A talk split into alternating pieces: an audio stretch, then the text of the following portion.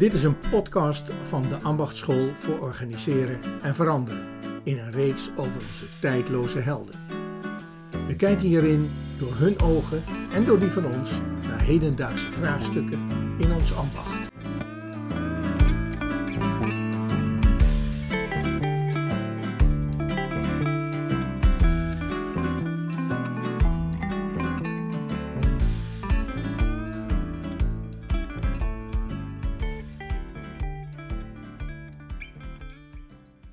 Wij zitten hier met drie.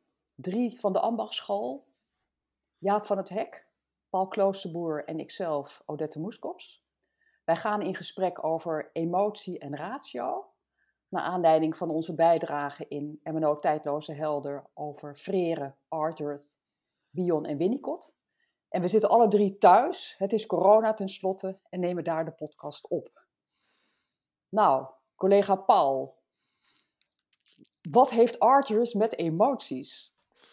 Ja, uh, wij uh, zijn nog niet zo lang geleden, Odette, samen tot de ontdekking gekomen dat uh, we beide Arthurus ooit eens hebben ontmoet. En zelfs ook allebei een, een vergelijkbare ervaring bleken te hebben met hem.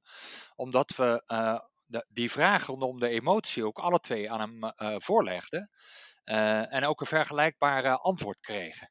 Um, en, en, het interessante is om meteen even op de emotionele laag te beginnen.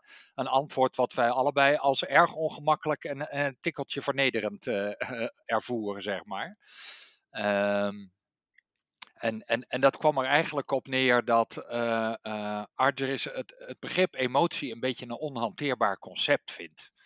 En um, en ik vond het wel mooi. Een tijdje geleden hadden we het ook met, met Jaap hier al even over. En die zei toen ook zo mooi van, zou het niet kunnen zijn dat Ardris eigenlijk uh, de schaamte gewoon een beetje voorbij wilde. Dat hij dat hele gezeur met emotie uh, en schaamte allemaal een beetje gedoe vond.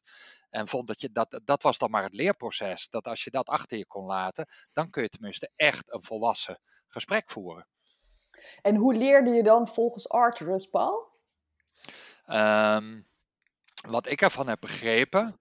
Uh, gelooft natuurlijk erg in handelingstheorieën, theories of action. En dat betekent dat als je gewaar bent van je eigen theory of action, dat je dus ook een voorspelling moet kunnen doen over een situatie. Dus dat je zegt dat je aannames hebt over uh, uh, dingen die gaan gebeuren of het nou moeilijk of ongemakkelijk of wat dan ook is. Zo, en die aannames die kun je dan toetsen en onderzoeken, want dat kun je met een goede theorie. Dus het is eigenlijk een hele puur wetenschappelijke manier uh, van kijken hoe ook je eigen denken uh, en je eigen gedrag is georganiseerd. Nou ja, wat ik fascinerend vind aan Archer is, is dat hij zoveel heeft met defensive routines. Hè? Dus hij, dat vindt hij eigenlijk maar niks als mensen in de defensie schieten. Uh, en de vraag is, ik, ik ben altijd zo gefascineerd dan, waarom zouden mensen eigenlijk in de defensie schieten? Daar hebben ze misschien wel een hele goede reden voor. Uh, en of het een reden is of een emotie, dat weet ik dan even niet zo gauw. Maar um, het is net alsof hij vindt dat die defensie een beetje onzin is. Daar ben ik het echt helemaal niet mee eens vanuit de theorie van uh, Bion en Winnicott. En het mooiste woord in plaats van defensie vind ik het woord te verdragen. En dan vind ik, er gaat te verdragen gaat niet over uh, pamperen of ah, dat kan hier niet. Maar het gaat gewoon echt over een echt issue met verdragen. Is iets te dragen? Is iets te torsen vanuit de rol die je hebt? Weet je, in een organisatie of als mens of uh, Um, om nog even over Arteris. Um, ik, ik, ik vind het buitengewoon fascinerend. Arteris ben ik een aanhanger van, omdat hij zo'n tegenstander is van poppenkasten. Dat is echt wat mij raakt en wat mij tot Arteris heeft aangetrokken. Laten we ophouden met elkaar te sparen en te ontzien en poppenkasten spelen, maar het over de echte dingen hebben. En tegelijkertijd zie ik hier ook echt het grote tekort. Ik hoorde laatst een prachtige definitie van het begrip weerstand. En iemand zei: weerstand, dat is het beschermen van iets kostbaars. En dan zie je dat Argus dat hele beschermen dus eigenlijk heel negatief vindt. En precies, Jaap, en dan geef ik hem ook graag aan jou, uh, ben ik het ook heel erg met je eens. Van misschien zit daar dus wel iets heel waardevols wat bescherming verdient. Dat zou ook wel eens kunnen. Ja, Nou ja, dat denk ik dus ook. Hè. Dus ik, ik, ik, ik ben eigenlijk altijd geneigd om eh, dingen niet te snel te veroordelen, maar eerst te kijken wat de functie eigenlijk is. En uh, dus er is ook een functie in weerstand of in defensief gedrag. Um, maar ik, wil, ik wou eigenlijk ook net nog even aansluiten op wat, wat Odette zei over dat verdragen. Want dat is, uh, uh, Lijken van Os, Marijke, Spanjersberg en ik schreven onlangs ook nog een stukje in over het schone. En daarin kwam Marijke met een inzicht over verdragen, wat ik nou weer heel waardevol vond, vind. Namelijk dat in de therapiewereld eigenlijk de insteek altijd was: we gaan proberen het te fixen. En als het niet lukt, dan moet de, degene die er last van heeft het, het maar leren verdragen. En dat daar een omkering gaande is uh, in die wereld, in de zin van leer het eerst maar te verdragen, dan komt er daarna misschien ruimte om er slimmer mee om te gaan. En als je die vertaalslag maakt naar ons vak, wij zijn ook nogal in de veranderkunde van het fixen, zal ik maar zeggen, en niet van het accepteren hoe het eigenlijk is als vertrekpunt met oké, en gegeven dat het is zoals het is, wat zouden we dan kunnen doen om het nog wat beter te maken? Dus we zitten heel erg in het verwerpen van het bestaande in dat vakgebied van ons, naar mijn idee. Paul, zie jij dat ook zo of niet? Ja, ik, ik, uh, het is echt wel leuk hoe ik, ik schiet in een enorm blijde verwondering. Ik heb je nog ik heb je nog zelden teksten zo letterlijk horen verwoorden zoals ik ze zelf ook zou willen verwoorden. Dus ik moet eigenlijk stilvallen in plaats van wat zeggen. Uh, want het is echt heel mooi. Dit vind ik wat ik van de ambachtschool heel mooi vind. Dus dat wij denk ik als gezamenlijk punt hebben dat we ons erg aangetrokken voelen door eerst die werkelijkheid neem de werkelijkheid zoals die is en durf hem aan te kijken en te onderzoeken. En dan kun je daar best wat van leren en met de werkelijkheid als vertrekpunt best iets verbeteren of, uh, of ontwikkelen uh, en richting iets wenselijkers. Maar het alles begint met het eerst kunnen aannemen. En ja, dat woord verdragen van jou gebruik ik ook regelmatig, uh, Odette. Um, het nemen zoals het is. Dat het eerst maar eens aankijken en leren verdragen dat er is wat er is. Ja, alleen uh, uh, bedoel ik, en dan denk ik dat ik in de geest van uh, Winnicott zit. Winnicott en Bion. En eigenlijk Bion, hè, omdat hij de binnen, binnenkant van wat er gebeurt in mensen en tussen mensen proberen te verwoorden. En dan kom ik weer even met het containment tevoorschijn. En dat gaat volgens mij niet over het meteen aankijken dat gaat wel over dat dat mooi zou zijn als dat gebeurt op enig moment. En het gaat ook niet over de werkelijkheid, want die bestaat niet. Hè? Het gaat over een werkelijkheid of meerdere werkelijkheden. Of het gaat over intersubjectieve betekenisgeving, hè? over wat je ziet als je samen of in een relatie gaat kijken met anderen. En als de een iets doet voor de ander en de ander iets voor de een. Hè? Dus het is veel meer een soort, het zijn veel meer processtappen en die processtappen gaan eigenlijk, en dat vind ik het interessante in ons onderwerp emotie en ratio, die gaan over hoe je emoties verwerkt tot gevoelens. En hoe je daardoor ook achter en onder en naast en boven emoties kan kijken. Omdat een emotie meer is dan een emotie en ook echt iets kan betekenen. En dan kom ik ook een beetje bij iets als woede. Hè? Ja, want wij, ik heb jou wel eens gevraagd in een ander verband. Wat had frère met emoties? En toen vertelde jij iets over woede. Of heb ik dat onthouden? Of heb ik dat verkeerd onthouden? Want wat, wat heeft frère met emoties? Ja, dat weet ik niet zo. Dus ik zie. Um, um, ik, ik heb frère vooral gelezen als iemand die enorm politiseert. hij schrijft over de pedagogie van de onderdrukte. En ik weet niet of onderdrukt voelen, zou ik maar zeggen, een emotie is of iets anders, of een redenering. Maar hij maakt zich in ieder geval geweldig boos over de manier waarop uh, met name boeren in Zuid-Amerika onderdrukt werden. En, en ontwikkelde een pedagogie, een, een manier van leren om hen als het ware te bevrijden uit hun apathie. Um, en, en dat ging door middel van het leren van taal, eigenlijk het alfabetiseren. Dat is wat Freire deed. En ik denk dat zijn eigen motieven, maar dat is, dat is interpretatie. Hij is een christensocialist. Hè? Hij was gelovig, maar ook echt van Marx en Mao en Lenin en zo. Ehm, hij geloofde ook erg in de bevrijding van degenen die onderdrukt waren. En dat was natuurlijk een groot engagement. En ik kan me niet goed voorstellen dat een engagement gaat zonder emotie. Ehm, en, ehm, en, en ik veronderstel dus woede. Wat? Ja. Ja. Nou, zullen we die gewoon eens nemen als hypothese? Want dan wordt de woede van hem interessant. Want dan zou ik de narratieve vraag willen stellen. Waar komt die woede dan voor op? Waar komt dat, waar komt dat voor op? En is dat dan de onderdrukking? En zit dan de redenering en het gevoel niet heel dicht bij elkaar op dat moment, Jaap? Ja, dat... Met andere woorden, dat je namelijk je emotie vertaalt in een gevoel en daardoor een redenering hebt voor actie of handelen? Ja, dat, nou ja, dat, dat kan ik me heel goed voorstellen dat dat zo werkt. Uh, maar ik zei ook niet voor niks dat hij een christensocialist was. Omdat hij, mhm. ik ben ooit katholiek opgevoed, dat is erg lang geleden. Maar ik herinner mij dat ook Jezus de tollenaars uit de tempel uh, ranselde, zou ik maar zeggen. Omdat er handel werd bedreven op een plek waar dat niet de bedoeling was.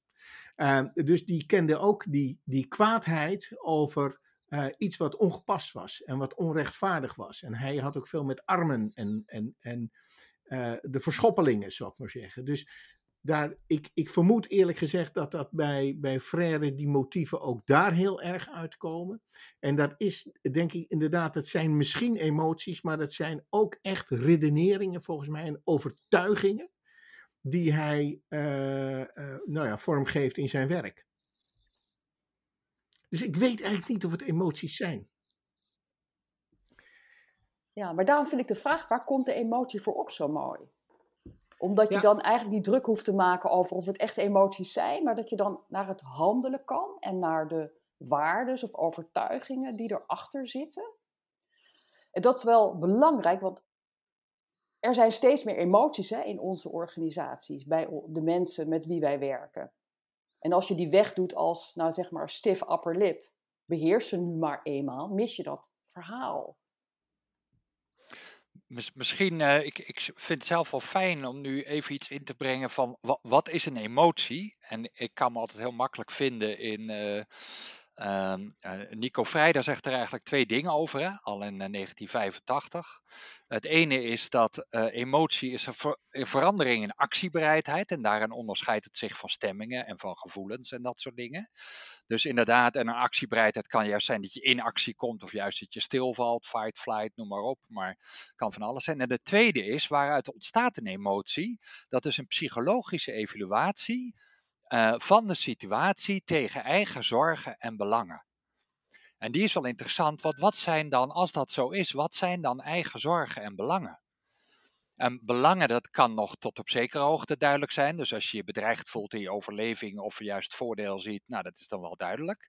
Maar eigen zorgen, uh, ja, dat kan natuurlijk wel enorm verschillende bronnen hebben. En, en als, als, als Frère een oprechte zorg had uh, over de ontwikkeling van de samenleving en dingen om zich heen zag waar hij zich geweldig over kon opwinden.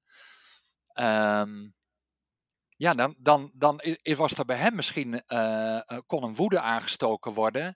Die iemand die naast hem staat en die hetzelfde ziet, denkt, ja, waar maak je je druk over?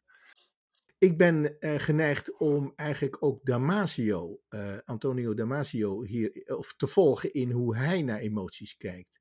En hij maakt net een ander onderscheid, denk ik, dan, dan Vrijda. Wat hij namelijk zegt, is dat emoties lichamelijke gewaarwordingen zijn. Um, dus dat die in het lichaam zitten, in hormonen en in zenuwen en in allemaal van dat soort dingen. En dat eigenlijk ons lichaam ons voortdurend signalen uit de buitenwereld geeft, um, die we vervolgens uh, naar ons brein vertalen en, en, en dingen mee doen. En sommige dingen gaan overigens buiten het brein om. Hè? Dus als je met je kont tegen een hete kachel aankomt, dan ben je weg voor je erover hebt nagedacht. Um, dat passeert het brein niet eens.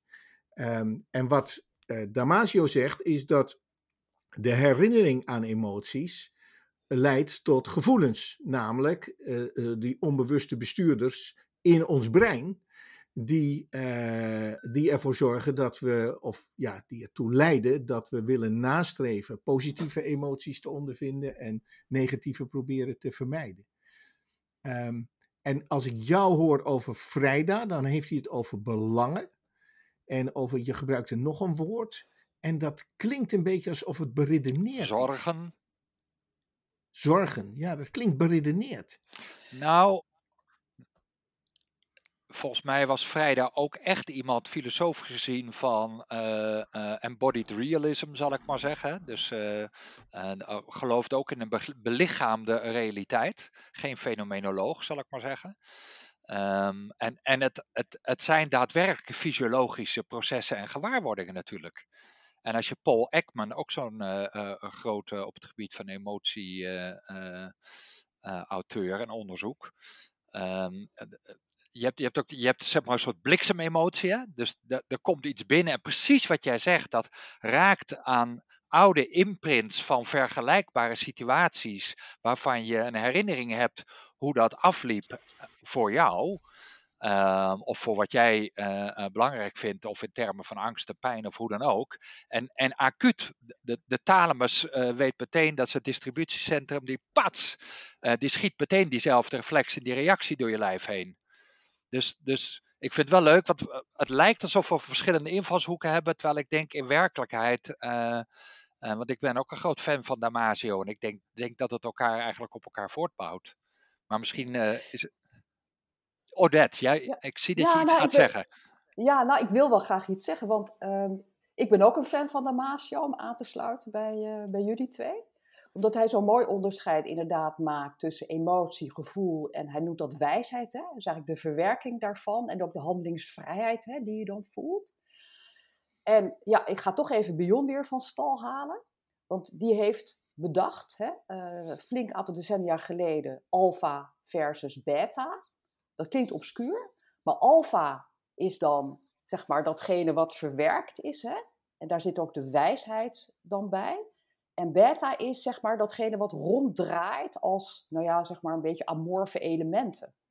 En dat zit weer heel dicht bij die driedeling van Damasio dus.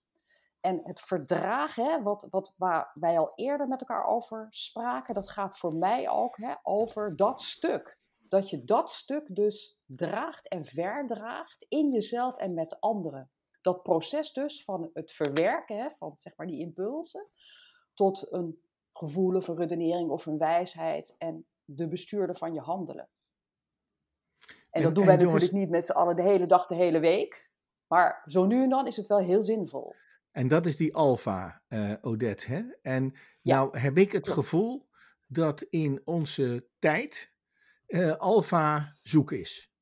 Als ik het even kort door de bocht zeg. Hè? Dus er is enorm veel uh, korte klappen, heftige emoties, polariseringen, uh, uh, extreme standpunten en heel weinig wijsheid, heb ik het idee, in het maatschappelijk debat. Herkennen jullie dat ook? Ik ben het ermee eens. Ja, ik, ik, ik ook. En, en uh, ik, ik, toevallig gisteren uh, heb ik daar nog een klein beetje college zitten geven. Eigenlijk wat jullie ook zeggen, dat brein wat, wat een hele snelle emotionele routes. En, en we zitten vol in de samenleving met prikkels die ons steeds weer triggeren van, oh je moet hier wat van vinden, je moet dat. Uh, terwijl inderdaad, wat jij alfa noemt, Odette, um, dat, dat ontstaat eigenlijk uit synchrone activiteit van hersenen en hartgolven. En dat bereik je eigenlijk door te wandelen in de natuur, door te mediteren, door te slapen. Uh, ook sporten kan helpen, dansen. Helaas mensen zelfs marcheren schijnt erbij te helpen. Um, um, een goede stoelgang ook overigens. Uh, dat zijn allemaal dingen die, die, die hard... Dan zal EMDR ook wel helpen in datzelfde nou, dat rijtje. Kan, kan niet missen. Maar, maar dat zijn dus bepaald type activiteiten die inderdaad bijdragen, een soort het onderbewustzijn de kans geven om complexe dingen te herordenen en inderdaad tot diepere wijsheid te komen. Ja. Dus um, ja, wat mooi. Ik noem het ook wel eens reflectie en dat kan op heel veel verschillende manieren. Mag ik er dan nog een oude Griek ja, bij halen? reflectie heeft toch twee, reflectie heeft toch twee lagen voor mijn gevoel. Je kan echt heel hard nadenken en reflecteren. En je kan inderdaad echt, um, wat Dijksterhuis noemt, um, deliberation without attention. En dat is een andere laag van reflecteren. Jaap, ik wou, wij gingen door elkaar. Ja, wat wou jij zeggen? Nou, ik wou alleen nog de oude Griek, ik wou alleen nog Aristoteles erbij halen. Uh, dat lijkt me uh, gezien Aristotel... de tijdstip waarop we zitten ideaal. Nu doen. Precies. Kijk, Aristoteles die maakte peripathetische wandelingen. Van die wandelingen waarin uh, door de beweging, zal ik maar zeggen, het goede gesprek mogelijk was. Peripathetische gesprekken tijdens wandelingen. Dat was wat hij deed. Wauw, Jaap met deze prachtige filosofische afsluiting, waarin we 2500 jaar even in één minuut hebben overbrugd, um, wil ik graag een, uh, een, een, afronding maken aan, uh, aan onze podcast. Uh, we hebben met Jaap van het Hek met Odette Moeskops uh, uh, en mijzelf, Paul Kloosterboer, gesproken over onze helden, Frère, Bion en Widicott en, en Ardris. En over het thema ratio versus emotie. En wij zijn er nog lang niet over uitgepraat. wie weet u ook niet.